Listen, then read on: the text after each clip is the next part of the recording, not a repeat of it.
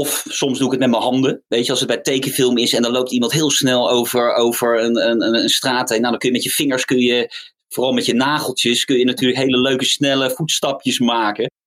Die, die ja, zelf met je eigen voeten gewoon heel, uh, heel moeilijk zijn. Welkom bij de Stem Podcast. De podcast over hoe je met je stem meer impact maakt. Je stem is je krachtigste instrument om mensen te raken, ze te laten lachen of te ontroeren ze te boeien en te verleiden, hun vertrouwen te winnen en ze te overtuigen. Je krachtigste instrument, maar ook een vergeten instrument. Je verborgen goud. In de Stempodcast ontdek je hoe je dit verborgen goud laat schitteren en hoe anderen dat doen. Ga mee met stemcoach en voiceover Barbara de Bruikere op zoek naar de geheimen van meer impact met je stem. Dag allemaal, welkom weer bij een nieuwe aflevering van de Stempodcast. En vandaag wordt het een hele speciale aflevering, want we gaan het hebben niet alleen over stemgeluid en audiogeluid. Nee, we gaan het ook hebben over foliegeluid. En foliegeluid is het geluid dat je hoort onder bijvoorbeeld een tekenfilm, lopende mensen, ritselende jassen, geluiden waarvan je niet eens door hebt dat die bestaan. En degene in Nederland die daar alles over kan vertellen, die heb ik dus gewoon nu als gast hier. En daar ben ik ook echt super blij mee. Ik heb het over folieartiest Jeroen Nadorp. Jeroen, welkom bij de Stempodcast. Ja, hartstikke gezellig, hartstikke leuk. Leuk dat je me ervoor vraagt. Dus uh, ja, leuk om mee te doen. Zeker. En Even voor de mensen die geen idee hebben wat nou precies een folieartiest is. Kan jij dat uitleggen? Ongetwijfeld. Ja, uh, soms wordt het ook verkeerd gebruikt. Dus dan roepen mensen van, ja, kun je daar wat, uh, wat foliegeluiden onder zetten onder die film? En dan bedoelen ze eigenlijk voorbijrijdende auto's en, en, en, deuren die dichtgaan. Uh, dat is het niet. in principe is het, het, het is het proces van het maken van geluidseffecten synchroon bij het beeld. Ehm, en het, het, is, het is uh, uh, uh, ik, ik, weet niet precies het jaartal, maar toen er net geluid zeg maar, mogelijk was bij film überhaupt. Vroeger had je natuurlijk de stomme film. En op een bepaald moment ja, had men toch zoiets van, we willen daar geluid bij hebben. Nou, in die tijd was het vooral voor buitenopnames was het gewoon onmogelijk om met een bandrecorder naar buiten toe te gaan. Dus als jij een western had gemaakt en je wilde die paarden horen, dat, dat was dus onmogelijk. Maar ze hadden in die begintijd hadden ze wel hele sumiere manieren om in een studio synchroon bij de film. En dan ja, het liefst natuurlijk in één keer goed. Want ja, starten, stoppen en knippen en plakken, dat kon men toen nog helemaal niet. Men, men, men probeerde toch in de studio, zeg maar, die geluiden daarbij te maken nou ja, een paard in, in een studio halen en dan een rondje lopen, dat was ook niet, niet mogelijk. Dus men, men probeerde met, ja, eigenlijk door geluids, ja, men probeerde geluidseffecten te maken. En, en wat ik al zei, het was moeilijk om te knippen en te plakken. Dus de, de, de kunst was om een, een, lange scène van een film, uh, eigenlijk die in één keer van die geluiden te voorzien. Nou, wat, wat, wat men deed met, uh, in, die, in die geluidsstudio's in die tijd had men vaak twee filmprojectoren. Uh, er waren een hele hoop mensen ook bezig. Ze, ze knipten bijvoorbeeld een, een, een, een sequence van drie minuten uit de film los. Die zetten ze in de filmprojector in een lus. En degene uh, die, die dan die, uh, daar de geluidseffecten bij uh, moest gaan maken, die keek heel goed van, nou oké, wat gebeurt er in die scène? Die legde dan daar al zijn voorwerpen voor klaar. En nou, als hij dan dacht van, nou nu kan ik het, dan ging de bandrecorder lopen en dan moest hij in één keer, dat was helemaal knap, in één keer die geluidseffecten probeer zo synchroon mogelijk daarbij op te nemen. Nou ja, in, in, die tijd waren de luidsprekers en de microfoons en, en de akoestiek van de bioscopen, dat was allemaal een stuk minder dan nu. Dus je kwam in die tijd kwam je weg met kokosnoten onder, onder hoefgetrappel, om maar even een heel bekend voorbeeld te noemen. Ik bedoel, dat, dat klonk allemaal dat, dat klonk allemaal natuurlijk heel, heel, uh, heel nauwbandig. En, en er was dus in Hollywood een meneer Jack Foley, die dat heel veel deed en, en die was daar heel goed in. En, en ja, dus dat, dat, dat maken van ontbrekende geluidseffecten, synchroon uit beeld, dat is dus naar hem vernoemd. En dat heet dus nu Foley, dus op elke bioscoopfilm, maar, maar ook bij tv-series en, en ook bij animatie, waar we dan straks over gaan praten, uh, komt die term Dus dat heeft niets met aluminiumfolie of wat dan ook te maken. Je schrijft het ook anders. Het is F-O-L-E-Y. En dat is gewoon de achternaam van de meneer die dat eigenlijk heeft uitgevonden. En eh, eh, kijk, bij, eh, bij, bij speelfilm, daar, daar wordt het in principe werd het daar het meest gebruikt. Ik, ik, ik geef altijd als voorbeeld. ehm, kijk, stel je neemt een scène uit een film. Je ziet New York, er lopen twee mensen op straat. Die praten met elkaar, die hebben een dialoog. Nou, die lopen op straat, dus je hebt voetstappen. Op de achtergrond zie je auto's rijden, dus daar wil je, wil je auto's horen. Eh, die praten met elkaar. Nou, de ene haalt misschien nog een sigaret of iets uit zijn jas. Eh, nou, eh, een leek, of als je geen budget hebt, dan zou je zeggen van, nou, ik hang die microfoon erboven eh, eh, en ik zorg dat het enigszins verstaanbaar is. En dan heb je die, die, die ja, dan heb je het geluid. Maar eh, door heel veel mensen weten ook in de praktijk, ja, dat geluid op locatie, weet je, dan, dan daar zitten storingen doorheen. Je, je hoort dingen die je niet ziet, vliegtuigen die overgaan. eh, eh, eh, er zijn allerlei storende elementen die, die er meestal zijn.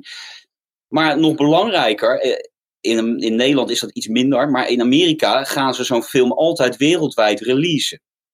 Nou, eh, wij doen vaak aan ondertiteling en, en de, de meeste kleine landen doen aan ondertiteling, maar de, de meeste grote landen eh, eh, dat doen vanuit de historie, omdat die vaak laag geletterd waren eh, eh, en men niet kon lezen, moesten die films toen al nagesynchroniseerd worden. In het Spaans, in het Duits, eh, Japans, Chinees, overal wordt nog steeds wereldwijd heel veel nagesynchroniseerd, ook bij live action.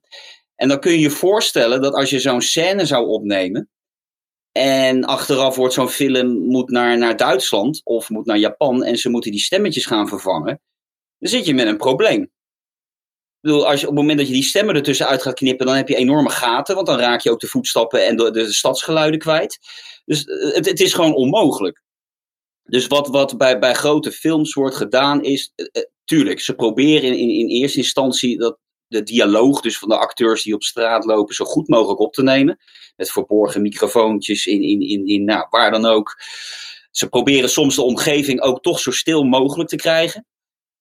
Eh, en dan kun je die opname vaak ook nog in de studio toch nog wel ontdoen van allerlei storende dingen. Dus dan zou je de, de, de, de, de goede opname van die acteur kunnen hebben, zo, zo clean mogelijk.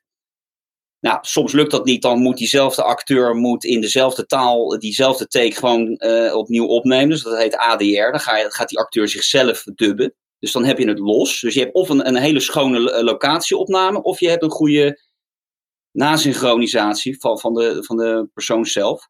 Nou, dan heb je dat los. Dan, dan ga je dus de omgevingsgeluiden eh, eh, hercreëren. dus die stad, nou, die wil je dan misschien ook in stereo of surround.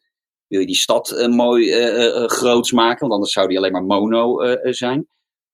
Vervolgens kun je dan de voetstappen opnieuw opnemen. Nou, dat is dan dat stukje folie. Dus daar gaat dan iemand in de studio, die gaat kijkend naar het beeld bepalen van oké, dat is een, een, een, een stenen straat eh, met leren schoenen. En die doet die scène qua voetstappen na. Nou, misschien ook nog qua kledingbewegingen. En dan heb je het los. En dan kun je, ten eerste kun je dan als, als filmregisseur en als sounddesigner kun je ook bepalen van oké, we beginnen met, met die dialoog en dan word je de stad. Maar op een bepaald moment neemt de muziek het over. Dus dan moeten die stadsgeluiden eigenlijk wat zachter gaan worden. Maar je wil de, stemmen wil je natuurlijk wel verstaanbaar houden. Dus dan, dan, kun je, ja, dan kun je daar balans in aanbrengen. Dat is een stukje artistieke vrijheid. Maar het belangrijkste, en dat is, dan komen we weer terug op waar, waarom ik het zei, is dat je het los hebt. Dus je, in Amerika hebben ze al die, dat tenminste bij elke grote bioscoopfilm heb je alles los. En dan kun je aan het einde van de rit, als de film eenmaal klaar is en de mix is klaar en, en hij is gereleased, dan kun je dus voor al die landen die moeten nasynchroniseren, kun je dus met één druk op de knop alle, alle stemmen uitzetten. Maar dan ben je niet de voetstappen en de kleding en de st stadsgeluiden, dat ben je dan allemaal niet kwijt. Dus daarom uh, bij, bij, speelfilm uh, uh, is het dus van belang om die stemmen zo clean mogelijk te maken. En, en alles wat je eigenlijk denkt dat dat in die opname zat, maar dus niet zo is, om dat opnieuw op te nemen. En dat doet dus een Foley artist. Is dat duidelijk wow. zo? Wauw, ik, ja. Ja, nee, heel veel mensen snappen, weten dat niet. Kijk, natuurlijk, er zijn vaak uh, uh, uh, ja, hoe noem je dat? situaties dat er geen budget is. Dus heel veel Nederlandse films worden dan toch op die manier opgenomen. En weten, niet altijd wetende van tevoren of een film succesvol is en dus überhaupt naar een ander land geëxporteerd wordt. En we hebben het ook wel eens achteraf bij speelfilms moeten doen. Dus dan, op een bepaald moment gaat zo'n film toch naar het buitenland. Ja, dan zitten ze dus met dat probleem van ja, we hebben het gewoon met, met de microfoon op de set opgenomen. Dat was goed genoeg voor de Nederlandse mix. Maar ja, nu willen ze het in Japan ook gaan doen. Dus dan moeten al die geluidseffecten, al die gaten die eigenlijk ontstaan, moeten dan gevuld uh, worden. Dus de Amerikanen die denken van, ja, laten we het altijd maar gelijk goed doen aan het begin. Dan heb je ook de, de stemmen goed, weet je. Dan kun je ook echt in de mix zeggen van, we maken het goed verstaanbaar. Dat is ook altijd iets wat bij Nederlandse films vaak gezegd wordt van, ja, het is net niet verstaanbaar of zo. Nou, dat is omdat dat eigenlijk het echte geluid is. Oh. En, en in Amerika doen ze dat vaak al dubben en, en, en, en, en ja, schoner opnemen. En dan, dan kun je zelf zeggen van, oké, die stadsgeluiden leiden te veel af, die moeten nu wat zachter worden.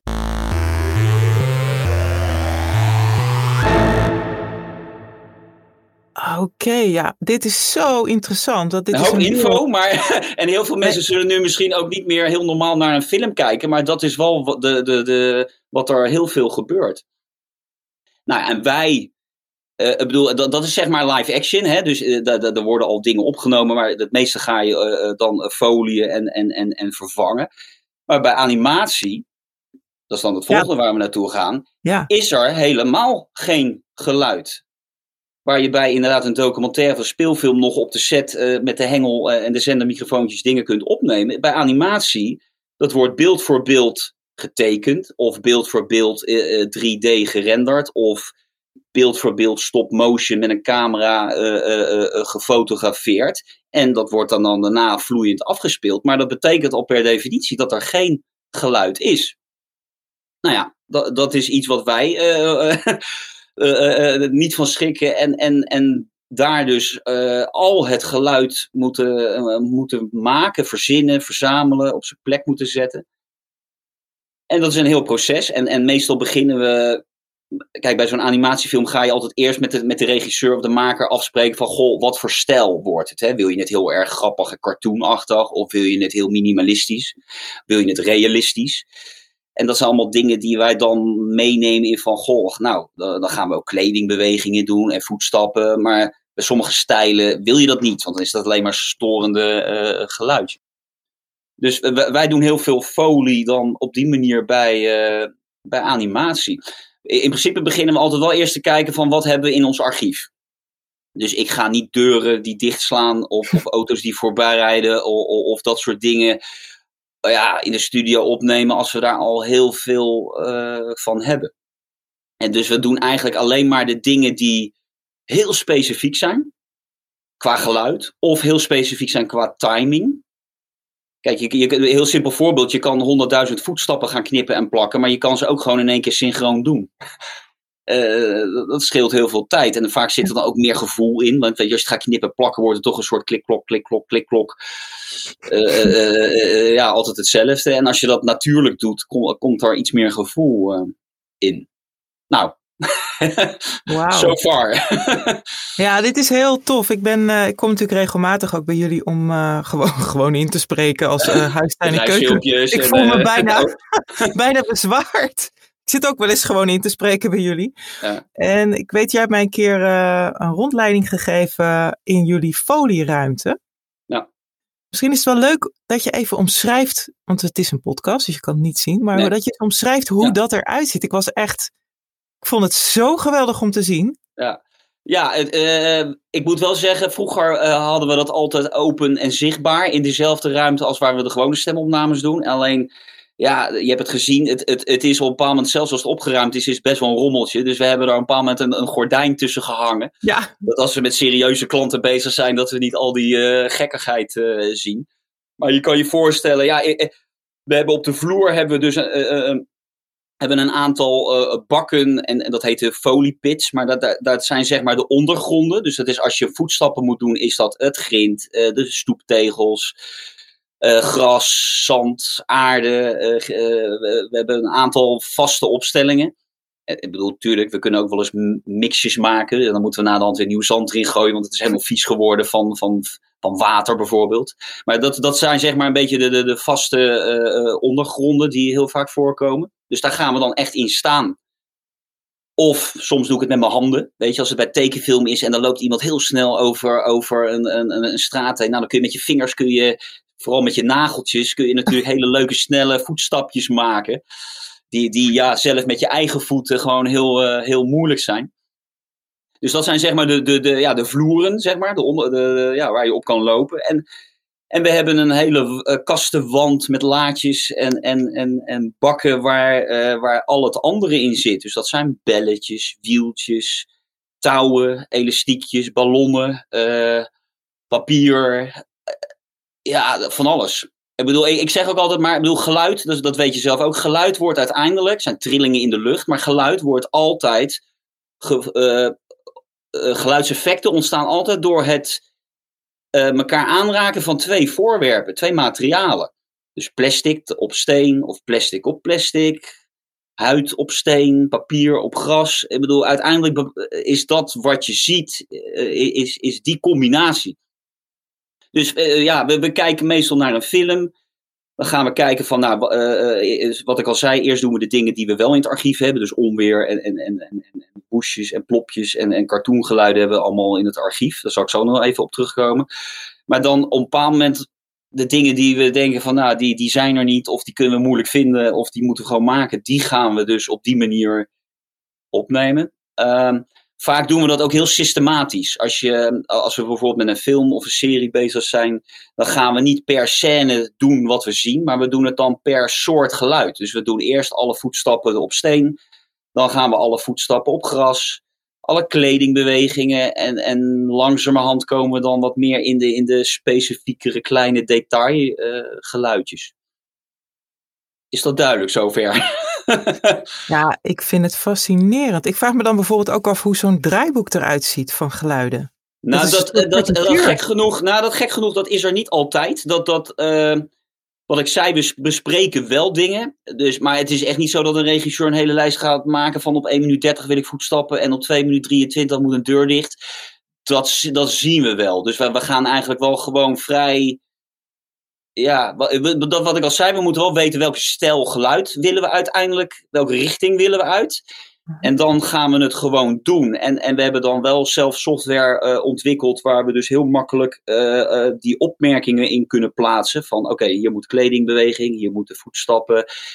En, en, en die lijst, dat, dat komt in een soort database. En die lijst ja. is in de, in de Foley Studio zien we die ook. En dan kunnen we zeggen, oké, okay, geef ons even alle punten weer waar we voetstappen op gras moeten doen.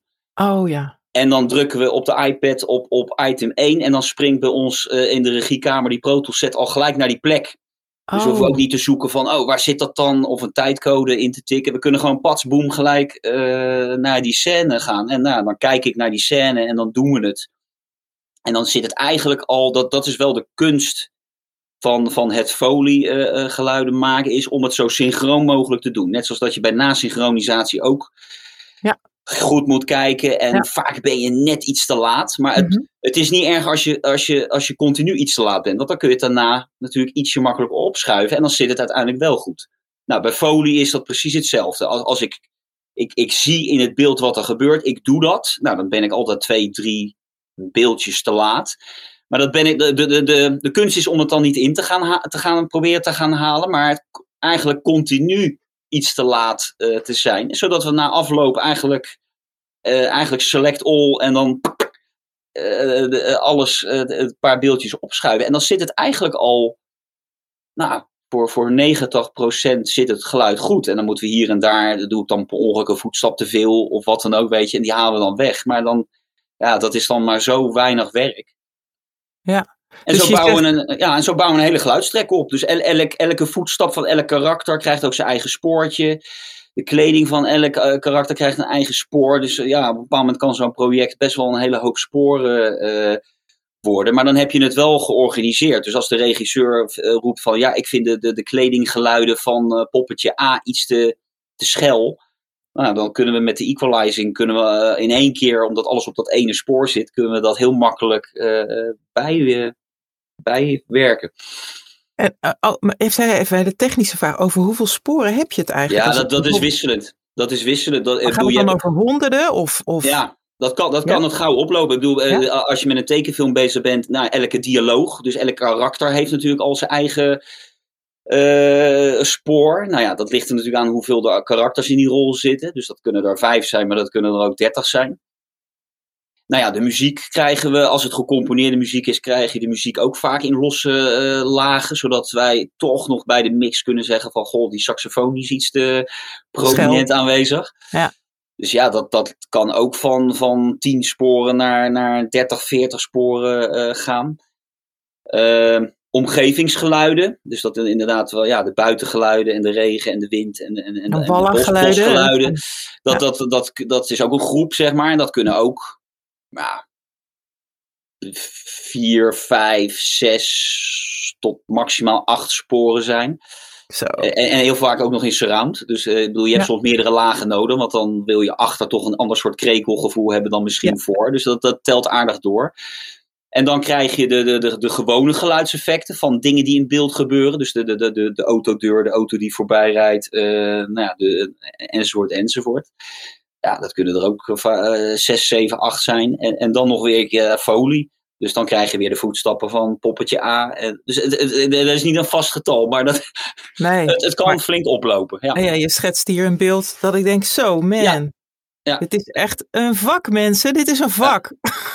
nou ja, je moet een soort systematiek en, en, en overzicht. Dus die uh, veel sporen geeft niet, want dan heb je een overzicht. Dus wij, uh, de fout die veel editors vaak maken, want ja, dan vinden ze het vervelend als dat zoveel sporen zijn. Dus die kwakken alles door elkaar heen. En dan krijgen we zo'n sessie van de editor. Want die leggen vaak wel eerst de, de, montage, zeg maar, een beetje op zijn plek. En dan krijgen we stemmen en dan zit er in één keer een stukje muziek tussen. En dan, dat zit dan altijd helemaal. Ik ben net toevallig ook met een, met een nieuwe productie bezig. Ik ga dat dan inladen. En dan ga ik eerst alle muziek netjes naar alle muzieksporen schuiven. Oh. Alle dialogen en syncgeluiden naar aparte sporen. En, en, en om maar een beetje overzicht te krijgen. En, en dat is ook bij het mixen van belang. Want uh, uiteindelijk, als we de mix aan het doen zijn en je hebt de, de, de, is muziek hoorbaar en op een bepaald moment gaat de stem iets zeggen, ja, dan moet je daarvoor moet je heel langzaam met die muziek al gaan zakken. En dat, dat, dat is mogelijk door alle muzieksporen uiteindelijk weer te groeperen. En die zitten uiteindelijk bij mij eigenlijk maar onder één. Ja. ja. En dat zou onwerkbaar zijn als dat allemaal kriskras door, door de geluidseffecten heen zit. En, en, en dan wordt het een rommeltje. Je luistert naar de Stempodcast over de geheimen van meer impact met je stem. Nou, ik vind dat wel heel impressive om te zien. Uh, zo'n, uh, als je in een studio komt, heb je natuurlijk zo'n hele tafel met al die sporen. Dat is, dat, ja. dat sporen zijn eigenlijk. Uh, hoe kan je dat nou omschrijven voor iemand die dat niet zo goed snapt? Een spoor is eigenlijk een regel in een. Ja, je kan bijna een muziekstuk noemen, hè? Ja. Ja, een spoor. Goh, ja, een spoor is een spoor. Dus eh, eh, eh, ik, net zoals met Photoshop, want mensen, mensen zijn dat misschien wel gewend. Je kan in lagen werken. Dus geluid moet je ook altijd in lagen opbouwen. En wat ik al zei, in principe heb je drie lagen. Dat zijn echt maar even de grote de drie, die, drie uh, indelingen. Je hebt natuurlijk alle stemmen, je hebt alle muziek en je hebt alle geluidseffecten. Dat zijn eigenlijk al, dat is de onderverdeling. Maar wat ik net al zei, geluid kun je ook stapelen. Dus uh, als, nou, weer dat voorbeeld van iemand loopt op straat, dan heb je voetstappen en je hebt kledingbewegingen. Maar dat hoef je natuurlijk niet in één keer op te nemen. Dat, dat, ja, dat maakt het alleen maar moeilijker. Dus tegenwoordig doen we gewoon eerst rustig de voetstappen. Nou, dan zijn die goed. En dan gaan we rustig uh, die, die kleding uh, doen. En dan hebben we ook de kans om, om kleine correctietjes te doen. Terwijl ja, er zou gewoon voetstap doorheen zitten. Dus bij geluid doe je eigenlijk alles in lagen. Nou, lagen, dat zijn sporen.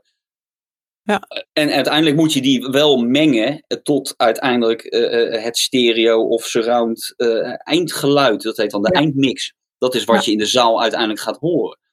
En dat zijn niet meer die 300 sporen, dat zijn er uiteindelijk maar oh ja, twee als het stereo is. En, ja. en, en, en Vier. Uh, 5.1, dus dat is 6 of 7.1, dat is 8 kanalen in de bioscoop.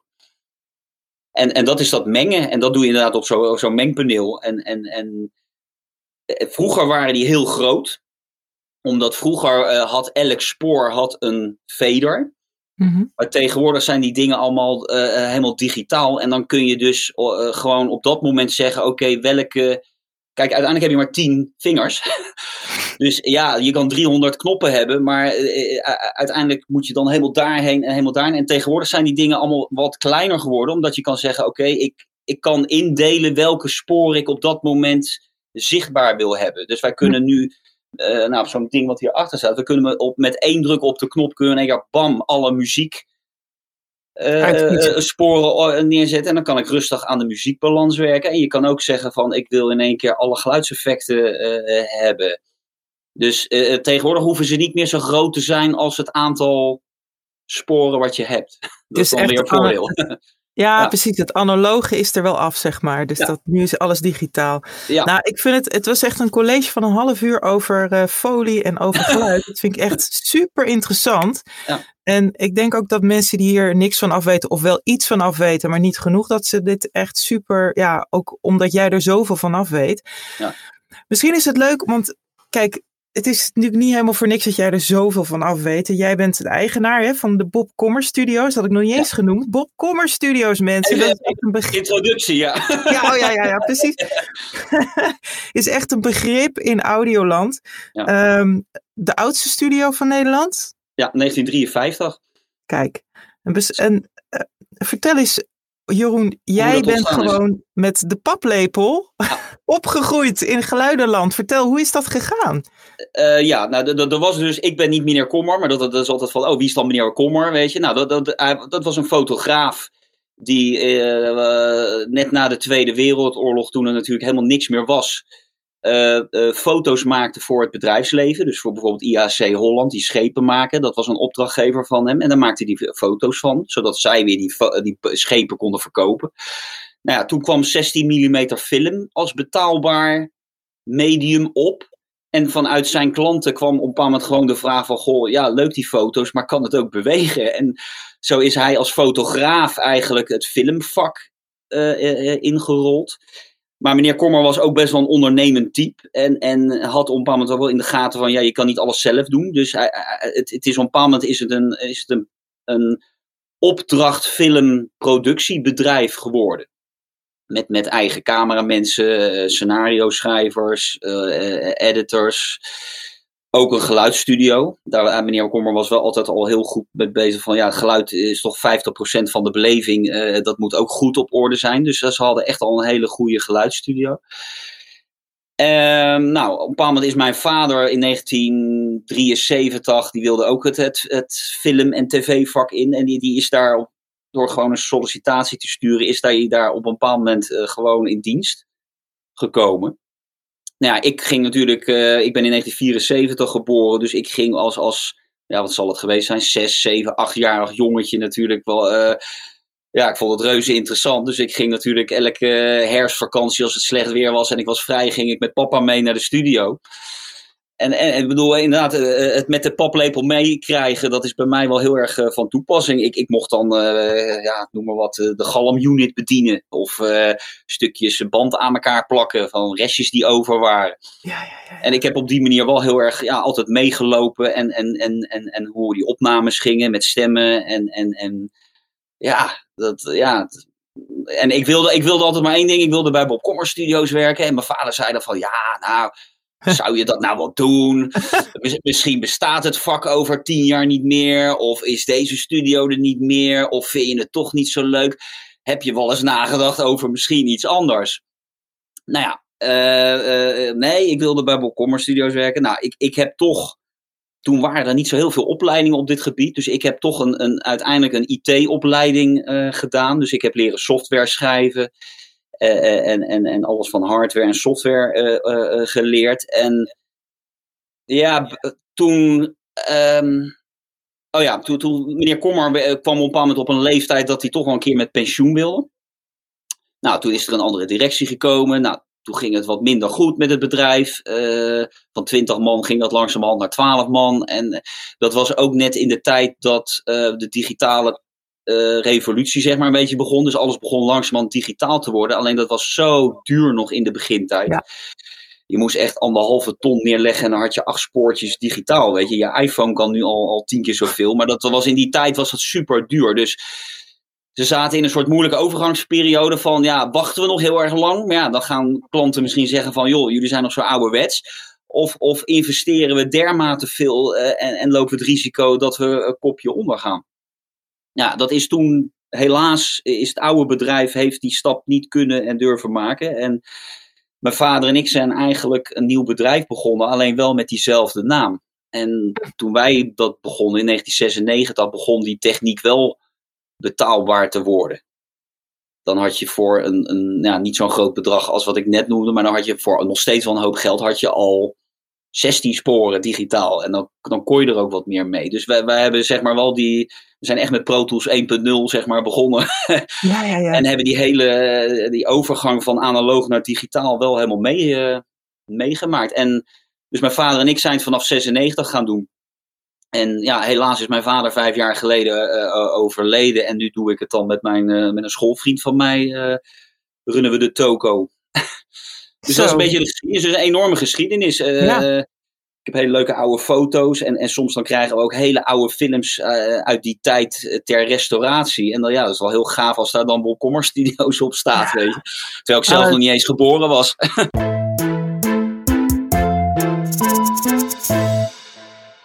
Ja, dat is echt cool. Maar jullie hebben toch ook met, uh, jullie doen ook heel veel tekenfilms met foliegeluid. Die hebben daar ook prijzen mee gewonnen. Ja hoor, ja. ja. Nou, so, soms krijgt het geluid uh, een prijs, maar soms ook gewoon de film. Hè. Ik bedoel, we wel een keer een tekenfilm, ja, die won een, een, gouden kalf. Terwijl niemand dat had verwacht. Terwijl de Gouden ja. Kalveren, dat is toch meestal speelfilm, weet je. Dus al, dat was wel heel bijzonder dat daar in één keer ook een, een animatiefilm tussen zat. Dus ja, nee, dat... Ja, en op een, bepaald, op een bepaald moment als je eenmaal, want we zijn eigenlijk in de jaren tachtig met animatie begonnen. Dat was, dat was, dat is wel grappig, in, in, in die wereld is hij heel bekend. Maar er was dus ene Paul Driessen, dat is een Nederlandse animatiefilmer. En die was op een bepaald moment bevriend met de dochter van meneer Kommer. En zo is dat eigenlijk begonnen, gewoon bij toeval van, goh, heeft je vader een geluidsstudio? Nou, uh, lijkt het je wat dat we daar een keer dan de volgende film van geluid gaan voorzien? En mijn vader kreeg dan zo van, nou ja, ja durven we dat aan? Nou, laten we het maar doen. En, en ja. nou, dat is blijkbaar heel goed bevallen. En nou, ja. film 2, film 3. En, en op een bepaald moment, nou, dat weet je zelf ook, hoort, zegt het voort. En voor je het ja. weet, doe je, doe je heel veel animatie. Omdat dat blijkbaar iets is waar wij, uh, ja, toch, uh, wij, wij kunnen blijkbaar van dat, wat ik net zei, zo'n film is helemaal stil als die binnenkomt. En wij kunnen daar iets mee doen. Ja, het is echt, het is ja. echt magisch. Hè? Jullie doen behalve dat soort dingen, doen jullie ook, jullie casten ook stemmen, waar ik ja. uh, ben onderdeel uh, Je bent er één van. ik ben er één van. Um, jullie nemen tv-commercials op, uh, bedrijfsfilms, bioscoopfilms. En het, het, de mooiste eigenlijk, of de mooiste, een van de meest bijzondere, is dat jullie ook het universum, de films van het universum doen, hè? Nog steeds. En dat, is, dat was ook heel leuk. Dat is leuk om te zeggen. universum is in 1985 gebouwd en opgericht. En die films daar, die dat misschien de mensen die dat universum kennen, dat is een enorm groot koepelscherm. Dat is 840 ja. vierkante meter scherm boven je en naast je en overal is het. En die films die ze daar draaien, die zijn over het algemeen zijn die van Amerikaanse of Canadese komaf. Het, het, het systeem wat ze daar gebruiken is, is daar ontwikkeld. En ja, daar is nou eenmaal meer geld en er zijn daar meer van dat soort theaters. Dus die films die komen over het algemeen toch uit Amerika of Canada. Maar ja, die, wat, dan kom je weer terug bij dat, wat we het net over hadden. Zo'n film is dus Amerikaans ingesproken. Nou ja, ondertitelen uh, op zo'n grote koepel, dat kon vroeger überhaupt al niet. En is ook zonde, want dan zit je, ja. ja dan zit je helemaal in zo'n film en dan moet je de hele tijd naar zo'n zo'n zo'n regeltje kijken. Dus dat, dat leidt, bij tv gaat dat prima, maar bij, bij zo'n groot scherm is dat toch wel vervelend. Dus in 1985 al zaten zij al met, met, met van, goh, ja, dan gaan we zo'n film aankopen. En dan krijgen we dus uh, de geluidsband zonder de Amerikaanse stem. Maar dan moet dus een Nederlandse stem bij worden opgenomen. En daarna moet het weer voor ons systeem afgemixt worden. Nou ja, Universum had al toen al uh, een, een zeskanaal surround systeem. Dus dat is 5.1 zoals je het in de huiskamer hebt. Maar ze hadden ook al een bovenkanaal. Omdat dat scherm ook boven je is, wil je soms ook dat daar ook uh, geluid vandaan komt. Nou, ze waren dus uh, op zoek gegaan in heel Nederland naar, uh, naar een geluidsstudio die dat kon. Nou, iedereen was toch in die tijd gewoon stereo. Eh, en iedereen zei maar steeds, ja, misschien moet je eens Bob Kommer studio's proberen, want ja, die zijn wel vindingrijk en misschien kunnen die dat. En, en, en ze hadden heel Amsterdam plat gebeld en overal zeiden ze steeds van, nou, misschien moet je eens Bob Kommer bellen. nou ja, en dat is heel toevallig, want wij zaten dus twee straten verder van het Omniversum, gewoon in Den Haag, op steenworp afstand. Dus dat is bij, bij, ja, door een enorme zoektocht zijn ze uiteindelijk bij ons terechtgekomen. En, en, en ja, wij konden dat toen wel.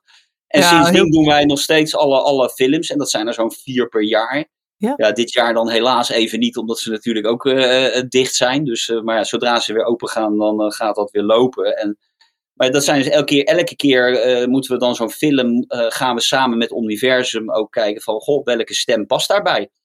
Ruby van Tongeren onder andere, hè? die uh, spreekt uh, in. Die heeft het een paar keer gedaan. Uh, het is wel zo, eigenlijk willen ze bij elke film weer een nieuwe stem. Dus hm. het zal nooit zo worden dat jij, of wie dan ook, de stem van Universum wordt. want die films die draaien soms een jaar en ze hebben meerdere films in de programmering. Ja, en, het is, en sommige mensen gaan ook naar twee voorstellingen. En dan zou het heel vervelend zijn als je twee keer dezelfde stem hebt. Um, maar we kijken, soms wordt er ook gekeken van, goh, is er een bekende Nederlander die, of een bekende acteur die iets met het onderwerp heeft? Nou, zo hebben we, er hadden, twee jaar geleden al een ruimtevaartfilm. En daar hebben we André Kuipers voor uh, kunnen inzetten. Ja, dat geeft wel meerwaarde. Ik bedoel, hij is natuurlijk geen acteur en hij is ook geen stemartiest, maar je hoort wel dat André Kuipers is. En hij vertelt eigenlijk over zijn missie, want hij heeft ook op die missie gezeten. Uh, nou, zo hebben we ook uh, Jeroen Krabbe een keer gehad. Die, die, die mocht een film over Van Gogh uh, inspreken. Nou, hij is natuurlijk een fantastisch acteur en, en, en, en ook met schilderen bezig. Dus hij vond het bijna een eer. Ja. En ik zal me die sessie ook nooit vergeten. Dat was echt zo magnifiek. Hij had het zo fantastisch voorbereid. En hij zei ook van, laat maar lopen. licht een beetje dimmen. En hij, die man heeft gewoon die hele film van 40 minuten gewoon... Nou, ik denk dat we twee keer zijn gestopt. Echt? En gewoon in één keer gedaan, hè? Foutloos. Helemaal fantastisch gevoel. Helemaal erin. En, en ja, uh, ook niet zo van, nou, uh, als er een lang stuk niks is, spoel dan maar door. Nee, laat hem maar zitten. Hij zat helemaal in die film. En die deed dat gewoon in één keer. Wauw. Dus ah, dat is cool. uh, ja. En, en soms, ja, en, en, soms wordt er, uh, ja, soms is er geen match met een bekende Nederlander of een acteur. En dan komen we, ja, even oneerbiedig, maar dan komen we bij de, bij de rest van de stemmen, zeg maar. Dus ja. er wordt per keer gekeken van wie matcht er gewoon heel goed bij. En, en soms is het ook een, een verplichting van de oorspronkelijke producent dat we een stem zoeken die toch heel erg lijkt op het origineel.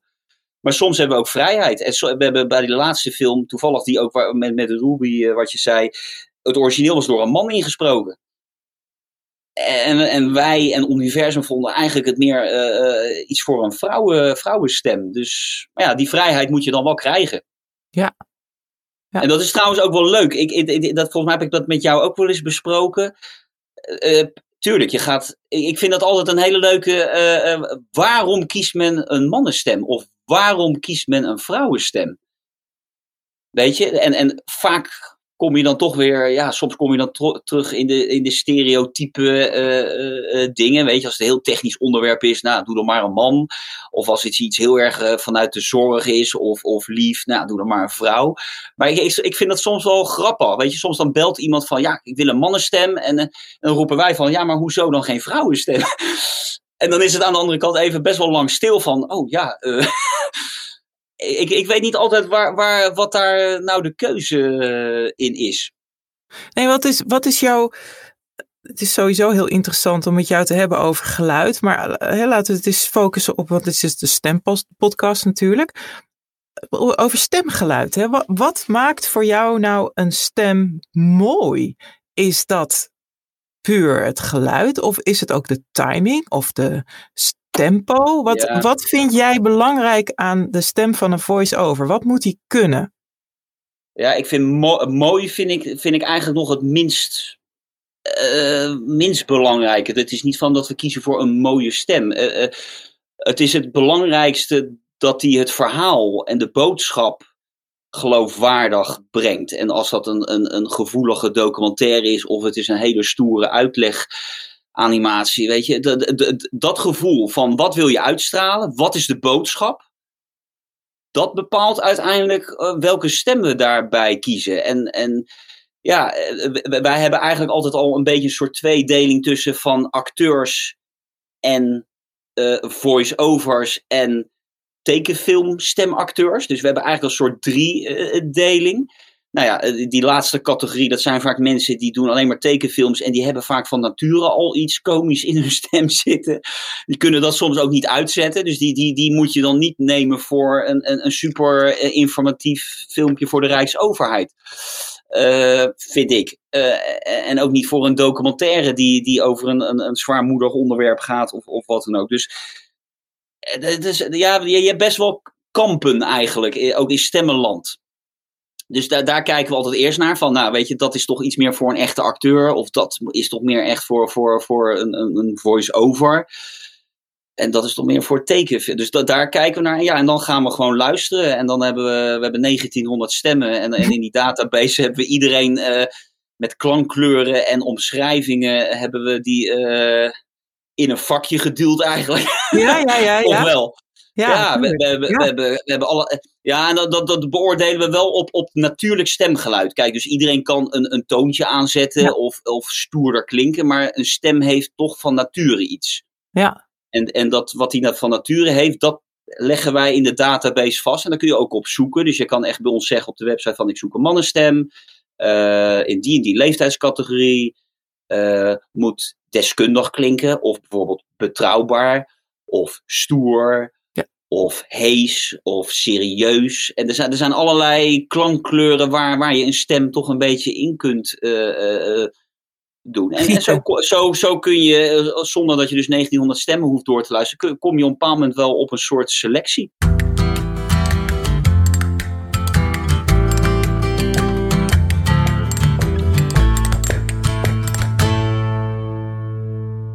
Het is eigenlijk een beetje zoals jullie uh, foliesporen. Ja, ja. ja. we hebben een geluidseffectenarchief en we hebben een stemmenarchief eigenlijk. Ja, eigenlijk wel. Ja, klopt. Hey, en als je nou, dat is misschien ook wel leuk voor mensen die denken: Oh, het lijkt me zo leuk om stemmetjes te doen. La la la la. Ja. Wat, wat zou jouw tip... Ja, ja, je moet er We krijgen ze dagelijks. We krijgen ze dagelijks, die, die, die mailtjes. Ja. ja, dat wou ik zeggen. Hoe, hoe, uh, ja, dat, die ervaring heb je. Wat zijn nou valkuilen voor beginnende voice-overs? Wat, wat, waar herken jij iemand aan die net begint met voice-over woorden zijn? Nou, eh, pas op. Ik, ik, ik merk dat die valkuil zelfs bij mensen die al jarenlang in het vak zitten, eh, er soms toch ook uh, op de loer ligt. Uh, een melodietje opzetten. en, en Alleen als je dan goed gaat luisteren, denk je van oké, het, het klinkt goed. Ik hoor een mooie stem. Het klinkt professioneel. Maar als je dan heel goed gaat luisteren, denk je van ja, is het niet een te, te, te, te hoe zeg je dat, een, een, bijna een kunstmatig toontje. toontje. En, en, en, dat is dan het stukje ook waar vaak dan de regie dan soms ontbreekt. Want, want ja, dan krijgen ze zo'n tekst en dan moet dat ingelezen worden. En dan, en dan hoor je terug en denk je van ja, weet je nou eigenlijk waar je het over hebt? En dat, dat hoeft dus niet per se bij beginners te zijn. Dat, is, oh, dat sluipt er soms ook wel bij professionals uh, in. Weet je, uh, soms ook geen voorbereiding. Zo van, oké, die tekst, nou, die gaan we dan doen. nou, dan krijg je twee takes. Oh, uh, nou, dat is het dan. Maar bedoel, probeer zo'n tekst eerst eens gewoon te lezen. En ook echt te begrijpen, zonder dat je misschien alle termen niet snapt. Maar probeer wat, er, wat het verhaal is en wat de boodschap is. En, en wat de doelgroep is. Dat is ook heel belangrijk. Dus het zomaar doen en zorgen dat alles goed klinkt en, en mooi. Eh, ik, ik, dat, dat wordt best wel onderschat ook hoor. Dat, dat is niet, en dat heeft niet zo. Nou ja, dat, dat zeg ik, dat heeft nu. Dat, dat een beginner maakt die fout. De, ja, eh, een vast melodietje, weet je. Dus als, als mensen net beginnen, die, ja, de klemtonen liggen soms ergens verkeerd. Of, of hm. uh, wat, wat, vooral het energieverbruik. Dus het gevaar is van dat ze met vol goede moed beginnen en dat op een bepaald moment de energie wegzakt en dat je dan als een soort leeglopend ballonnetje, uh, dat het steeds zwakker wordt. Dus verdeel je energie. Ja. Uh, ja, ik bedoel, je moet toch als stem kilometers maken, weet je. Je moet toch vlieguren maken om, om sowieso je ademhalingstechniek onder, uh, onder bedwang te hebben. Maar vooral lezen. Hè? Dus goed lezen, uh, zo'n zin al aanzien komen. Waar werkt die naartoe? En, en zinnen hebben ook betrekking op elkaar. En, en dat tekstgevoel, dat, dat is wel het aller, allermoeilijkste. En, dat en, je eigenlijk en, de, de, Ja, en, en helemaal bijvoorbeeld bij zo'n universumfilm van 40 minuten. Ja, je moet wel die mensen 40 minuten geboeid meenemen in dat verhaal. En dat verhaal, dat wordt door muziek ook, uh, uh, soms wordt het wat positiever, soms wordt het wat dramatischer. Je, daar moet je in meegaan. En dat, wordt wel heel, dat is wel moeilijk hoor. Iedereen heeft altijd van ja, ik doe commercials. En, en, maar dan zeg ik altijd van ja, dat is 20 seconden. Daar, daar, daar heb je na twee, drie takes mag het wel eens een keer zo zijn dat je iets uh, ja, goeds hebt, snap je? Dat, daar kun je heel lang, daar kun je een uur over doen of twee uur en dan, het is maar 20 seconden. Maar ja, bij een documentaire van 40 minuten kun je natuurlijk niet elke zin 20 keer over moeten doen, want dan raak je uit de flow. Ja. Dus het goed voorbereiden, maar vooral veel goed tekstgevoel hebben. Dat, ja. dat, is, dat is heel belangrijk. Dat is eigenlijk wat jij omschreef, wat je zag bij Jeroen Krabbe, hè, toen hij, ja. zeg maar, zijn, zijn passie ook is natuurlijk uh, Van Gogh. Uh, dus ja, ja maar die had die film thuis gewoon al helemaal doorgekeken. En, en, en die zat helemaal in die tekst. En die tekst was ook goed geschreven. Kijk, uh, uh, het, het, het valt of staat ook met een goede tekst. Dat, dat, nou, dat weet je zelf ook, weet je. niet te lange zinnen. een goede tekst schrijven, dat is ook een vak. En, en, en je kan een hele goede stem zijn, maar als die, die tekst rammelt, ja, dan kom jij ook niet tot je recht. En dan wordt de boodschap daar ook niet duidelijker op. Nee. Een heel goed voorbeeld of een hele grote fout is altijd uh, van ja, opsommingen. En dan uh, als het nog erger is, dan hebben ze sub-opsommingen. Ja, dat, dat kun je leuk op papier zien met bullets. Maar dat kun je als stemacteur of als, als voice-over, ga dat, ga dat maar duidelijk uh, overbrengen. Dat je ja, als luisteraar dat nog kan volgen. nou, dat klopt. Het is eigenlijk de, de crux zit hem erin dat je, de, dat je de boodschap die onder de woorden zit, dat je die ja. zeg maar de, het thema wat het, het, het, thema waarmee je die tekst aanvaardt, hè, is het om mensen te werven of is het om ja. mensen enthousiast te maken of wil een bedrijf laten zien ja. wat hij kan. Weet je, er, de, het onderliggende thema is eigenlijk het vertrekpunt van waaruit je het, de woorden gaat plakken. En vervolgens is het natuurlijk inderdaad in de opbouw van de tekst dat je uh, als een woord voor een tweede keer terugkomt, dat je hem niet weer aan, aanstipt als nieuw, want dan lijkt het wel alsof het een heel ander ja. woord is. Nou ja, dat en, dan, soort... dan krijg je, en dan krijg je dat gevaar dat elk zinnetje dezelfde melodie krijgt. En, dat is bij beginners heel erg het geval. En, maar, maar ja, dat, dat, dat uh, je moet die tekst eigenlijk al uit je hoofd kennen. Uh, hoeft niet, maar dat gevoel van, van ja. dat je hem echt, echt vertelt. Ja, en, en, en, niet opleest met een heel ja. zeer professioneel klankje en een goede microfoon. Dat, dat, uh, dan klinkt het goed, maar dan blijft het toch een soort robot. ja, je hebt dan een soort, bijna een soort alsof er een kogelvrij glas zit tussen ja. de stem en, het, en de boodschap. En je hebt als ja. luisteraar het gevoel dat je het niet kan raken. Dat, ja. En dat moet je proberen weg te halen. En dat is best moeilijk hoor. Ja, ja, ja. ja, ja, jij, sprak, eh, jij, vertelde mij ook een keer dat, dat je, uh, jullie Maarten van Rossum in de studio hadden. Hè? Die doet ook zijn colleges bij jullie. Ja. Ja, en... maar dat, dat is een hoogleraar. En, en die heeft één. Hij had zelfs helemaal geen papiertje bij zich. Maar de meesten hebben één A4'tje. Van dat ze een beetje een soort richtlijn hebben waar ze over gaan praten. Maar die gaan voor de rest gewoon vier uur lang oreren. Omdat ze zijn hoogleraar, dus die kunnen gewoon een, een ja. college uh, geven. En dat is niet van tevoren uitgeschreven. Nee. Dan wordt het, dus dat is, dat is heel anders. Ja, dat is heel anders. dat is, een heel dat is helemaal knap. Ik bedoel, hij, hij, hij, hij, hij krijgt het gewoon ook voor elkaar om zelfs een running gag te hebben. Weet je, dus dan is hij een uur of vier uur aan het lezen. Aan het, aan het, aan het oreren, maar dat, dan heeft hij af en toe een grap die terugkomt. Nou ja, weet je, dat is zo knap. Ja, ja. Ja, dat is briljant. Hey, we, gaan, uh, we gaan langzaam naar de, naar de afsluiting toe van, de, van deze stempodcast. Ja, ik kan nog uren praten. Ja, ja, ja, maar waarom denk je dat ik jou heb uitgenodigd? Je kan, ja. Jij kan gewoon zo, zulke interessante dingen vertellen. Die, ik had Zijn echt geen dingen van... vergeten? Wat? Zijn we geen dingen vergeten? Oh man, zoveel. Ja. Nee, mijn laatste, mijn laatste vraag is eigenlijk van kan jij aangeven wanneer je nou echt impact maakt met je stem? Is dat wanneer je ze echt raakt in hun gevoel? Is dat, komt dat door variatie in toon, door pauzes, door misschien juist niks te zeggen? Nou, het is de combinatie uiteindelijk van muziek en stemmen samen. Dus om meer dan dat, dat, film, dat voorbeeld van die universumfilms te geven. daar, daar laten we de muziek ook horen tijdens de opname. Dus we nemen de, de, de, de, de, de zinnen ook ze hoeven niet precies op de seconde nauwkeurig te beginnen, maar we nemen ze wel op op de plek waar de oorspronkelijke stem ook zit. En het is ook van belang, muziek helpt ook de, de, de stemacteur. Die muziek doet iets en die neemt jou ook zelfs als stemacteur, neemt die jou mee. Terwijl als je dat gewoon ja, eh, zonder film te zien en zonder, eh, zonder muziek te horen zou moeten doen, ja, dat is bijna niet te doen. Of je moet wel een hele goede regisseur weten van, ah nee, hier moet je iets meer, want hier horen strijkers en die moeten een beetje op het gevoel werken. Dus het, het, helpt zo enorm om dat al bij, bij, de, bij, de, bij de muziektrack op te nemen. Ja, en dan, dan komt er af en toe komt er wel kippenvel hoor. Als je echt een goede acteur hebt en, en die tekst is goed geschreven en goed vertaald. Ja, dan krijg je 1 en 1 is 3.